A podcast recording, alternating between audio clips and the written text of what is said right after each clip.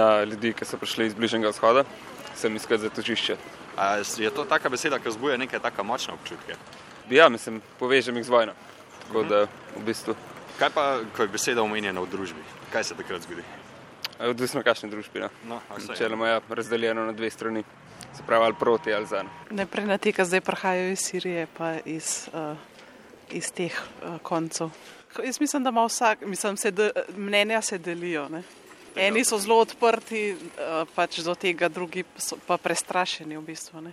Na moje sorodnike, ko so šli 45 leta, ker so mogli iti v Argentino, ker vem, kadar grem dol, uh, jih obiskat, uh, kako čutijo, ker ne morejo biti doma. Tako verjamem tudi za te ljudi, ki prihajajo sem, da jim je težko, ker morajo tako daleč od doma. Uh, po eni strani uh, se veliko besed daje, v praksi pa seveda to ni tako, kakor pač bi naj uh, do teh ljudi se obnašali. človeka, ki je pregnan od doma, nekako. Ne? To je res malo.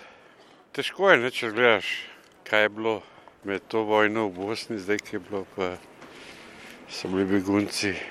Begunci so tudi zdaj. To je vojna. Ne? Sprejeti jih je treba, pa tako, kot se pri naše sprejemali. Ne?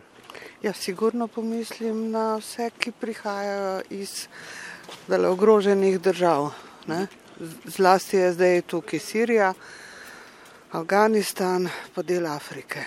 Mislim, da v večini vzbuja dokaj negativne, kar ni prav. Ne povezuje. Ne Ne, ne, ne. Ne.